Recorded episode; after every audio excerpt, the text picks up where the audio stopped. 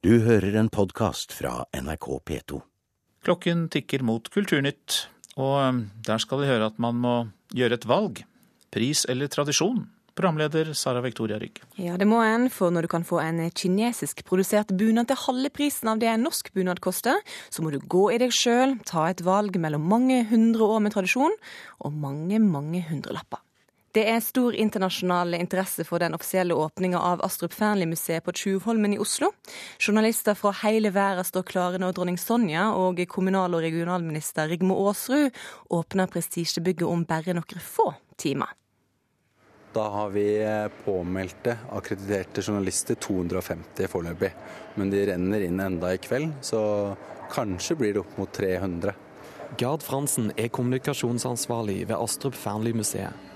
Han er ikke overraskende godt fornøyd med den store internasjonale oppmerksomheten rundt den offisielle åpningen av museet i dag. De kommer fra nesten hele verden. De kommer fra, spesielt selvfølgelig fra Europa. De kommer fra Frankrike, England, Tyskland, Italia selvfølgelig, og de nordiske landene, men det er også over i USA. Det mest eksotiske vi har, er Sri Lanka. Der har vi en som kommer i morgen fra Sri Lanka. Det var jeg veldig imponert over. Men hvordan har det vært for dere å merke den store internasjonale interessen for dette? Det har vært litt mer arbeid enn normalt, men vi mener selv i hvert fall at vi har gjort dette godt planlagt. 700 millioner kroner har blitt til 7000 kvadratmeter. Det er Nordens største privatfinansierte museum. Dagen før åpningen er det en del skuelystne som har tatt turen til Tjuvholmen i Oslo sentrum for å få et inntrykk av bygget. Jeg har ikke vært innom, men bare bygningen syns jeg er veldig fin. Altså, jeg syns det er imponerende. Ja, de så litt internasjonalt ut, var det ikke det jeg sa? Ja. Arkitektonisk vakkert. Det er aldeles nydelig. Vi kommer fra Drøbak i dag, og vi har kjørt Mosseveien. Og vi kunne se hele bygget derifra. Det ser ut som et stort seil. Så vi hadde lyst til å gå hit og se, og det ser aldeles nydelig ut. Det er jo veldig spesielt og flott. Men i Sverige sitter en som ikke synes bygget av den italienske arkitekten Renzo Piano er spesielt flott. Spontant er det ikke en av mine favorittbygninger av Renzo Piano. Sier Thomas Lauri, redaktør for det svenske tidsskriftet Arkitektur. Han har ikke vært i Oslo og sett bygget, men ut fra bilder har han gjort seg opp en mening. Jeg syns den ser uh, litt rarig ut. Til tross for en italiensk stjernearkitekt og en imponerende åpningsutstilling, mener Thomas Lauri at det kan bli vanskelig å konkurrere med andre europeiske kunstmuseer. Jeg tenker på et lysende eksempel, eksempel Tate Modern i, i London. Det verkligen en som har blitt en institusjon for konsten og bærer opp den samtidige konsten på et bra sett. Men Oslo er ikke, precis, det är inte midt i sentrum av kommunikationerna i Europa. Det er ändå så, det är precis som Stockholm, det ligger i utkanten, i randen. Men det bekymrer ikke kommunikasjonsansvarlig Gard Fransen. Nei, først og fremst så tenker jeg at Tate Modern er det best besøkte museum i hele verden. Vi legger ikke opp til å konkurrere med det. Det er mye mer realistisk da å kanskje sammenligne seg med Moderna museet. De har 600 000 besøkende. Vi håper på å få rundt 250 000 besøkende i året. Reporter var Eivind Våge og Gjermund J.P. I dag åpner altså dronninga det nye Astrup Fearnley-museet på Tjuvholmen, designet av italieneren Renzo Piano. Kunst- og arkitekturanmelder her i NRK, Mona Pale Bjerke. Først av alt, hvem er Renzo Piano? Ja, han er som du sier da en italiensk arkitekt, verdensberømt, og har jo designet bygninger veldig mange forskjellige steder i verden, og også, er også prisbelønt. Og dette er jo en stor begivenhet, for det er det første bygningen hans i Skandinavia. Og han er jo mest kjent da, for, oss, for de fleste av oss for Pompidou-senteret i Paris, med sin, sin rå, litt sånn industrielle, såkalte high-tech-arkitektur, som har øvet en stor innflytelse på 80- og 90-tallsarkitekturen også her i Norge. Hva, hva bygning er det denne italiener nå har reist i fjordgapet på Tjuvholmen? Det er en veldig øyenfallende bygning, sånn som vi hørte i reportasjen her også. Det er en, en Jeg bor jo på Nordstrand, så jeg reiser opp og ned Ekebergåsen hele tiden, og har også kunnet følge byggeprosessen på avstand. Og en av døtrene mine ropte da her om dagen, pekte over fjorden og sa 'se på den digre båten der'. Og det er egentlig veldig presist beskrevet. Det er det maritime, det er båten, ikke bare seilskuten, men også skipsverftet, som er en slags sånn metaforisk eh, grunnlag for denne arkitekturen. Det er jo hovedformen, da, som det også ble sagt, som ligner litt på eh, seil. Altså disse skrånende glasstakene som ser ut som seil som er i ferd med å, å heises. Og så er det også, når man kommer nærmere, en del mindre detaljer som støtter opp under dette preget. Det er eh, noe som ligner på master og stag, altså søyler. Og også er, jo, er, det jo vann på flere kanter. Og bygget er da delt i to av en kanal. Og her går det da eh, brygger som besøkende kan eh, fortøye ved. Så det er jo veldig, veldig flott. Og det, han skal også ha designet en spesiell båt da, for museet, men den så jeg ikke noe til. Du er begeistra for, for museumsbygget, Høyre. Men hvordan er funksjonen som museumsbygg?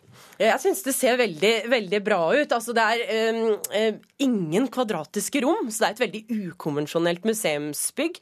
Du går rundt der, og liksom, du, plutselig går du i en liksom, traktformet korridor som skyfler deg ut i en stor sal, og så er det mange mindre rom. Og jeg tenker at det er veldig gode muligheter her for å vise flotte utstillinger. Det er jo utvilsomt krevende for en kurator, men det tror jeg bare er en fordel, fordi det kan legge grunnen for litt ukonvensjonelle måter å, å henge bilder på. Så er det mange av rommene som er store, slik at selv ganske prangende, plasskrevende verk får liksom rom rundt seg. Så jeg tror det, jeg syns dette er blitt veldig, veldig eh, spennende bygg, altså. Mm. Astroferli-museet er allerede utropt til å være et av de mest eh, fremragende museumsbygger i verden. Hva, hva, tenker du om det? Ja, Det er jeg helt, uh, helt enig i.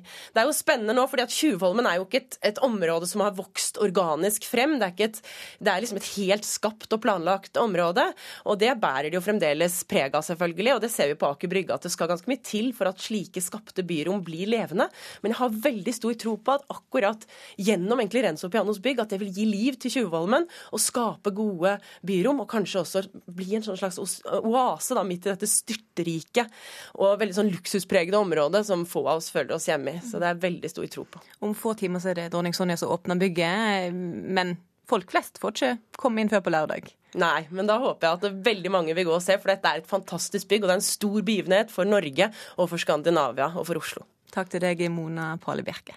Kvalitet og eh, tradisjon er viktigere enn lave priser. Det mener bunadsprodusenten Norsk Flid Huslyden på Lillehammer. Du kan få en kinesisk produsert bunad for halve prisen av det en norsk bunad koster, og nå ber Husfliden kundene tenke seg om. Tenk igjennom ditt bunadkjøp. Vær bevisst når du skal kjøpe en bunad. Det er en individuell vare som skal uh, produseres kun for deg. Da skal du være ekstra omtenksom og bevisst når du går til det kjøpet. Øystein Nordås er daglig leder i Norsk Flid, Husfliden på Lillehammer. Nå går de ut med en helsides annonse i avisen der de ber folk sjekke grundig før de kjøper bunad. Eh, jeg vil ikke si at vi advarer mot eh, noe som helst, men vi gir en anbefaling. I de siste 10-15 årene har den tradisjonsrike produsenten av det norskeste av det norske, bunaden, fått konkurranse, ja også der, fra Kina. Og ifølge leder for bunadsavdelingen hos Husfliden på Lillehammer, Randi Hundere, er kundene svært bevisste. De vil ha norskprodusert bunad. Ja, vi har mye spørsmål om det. Hva spør de om da? Hvor de er produsert, og hvilke stoffer vi bruker. Om det er norske, norskproduserte stoffer. Hvordan er interessen for å kjøpe bunader her nå? Den er veldig stor. Hvem er det som kjøper da? Ja, Alle konfirmanter skal ha. Det er jo de første, det største og den første gruppa vår. Og så har du de som skal kjøpe bunad nummer to. Enten de da er vokst ut av bunaden sin, eller de vil ha rett og slett bare for å ha en ekstra bunad. Og så er det herrebunad, som da er veldig stor økning på, egentlig. Derfor spør jeg hva jeg må betale dersom jeg ønsker meg en herrebunad fra Gudbrandsdalen. Fra 30 000. Og oppover. Ja. Ja, det var norske bunader. Det er Ole Martin Sponberg i NRK, god dag. Vi ringer til Norske Bunader, som også driver annonsekampanje akkurat nå. De holder til i Oslo, og jeg spør selger Tanita Lindebo hvor mye jeg må betale for en gudbrandsdalsbunad hos dem. Da er det 15 600 med selve bunaden, inkludert skjorte. Hvor er den bunaden produsert? Den er delvis produsert i Norge og delvis produsert i Kina. Og da er jo kinesisk håndverk noe av det peneste du kan få tak i. Selskapet Norske Bunader har eksistert i 15 år nå, og ledes av kinesiske Hong Bei. Bei er ikke tilgjengelig denne dagen, så vi spør Lindebo om det er en slags krig mellom dem og husfriden. Selvfølgelig så er det jo Vi er jo konkurrenter, og det er jo et konkurransemarked som ligger der ute. Det er jo helt klart. Reporter her var Ole Martin Sponseth.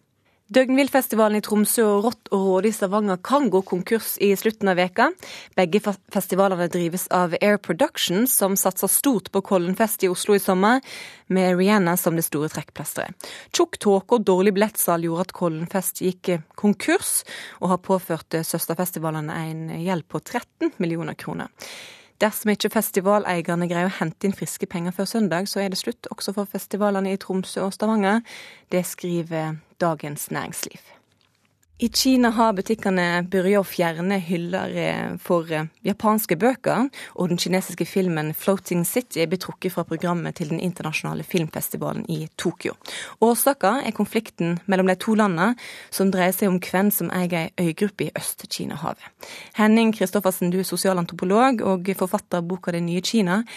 Hva betyr det at kinesiske bokhandlere nå fjerner japanske bøker fra hyllene sine?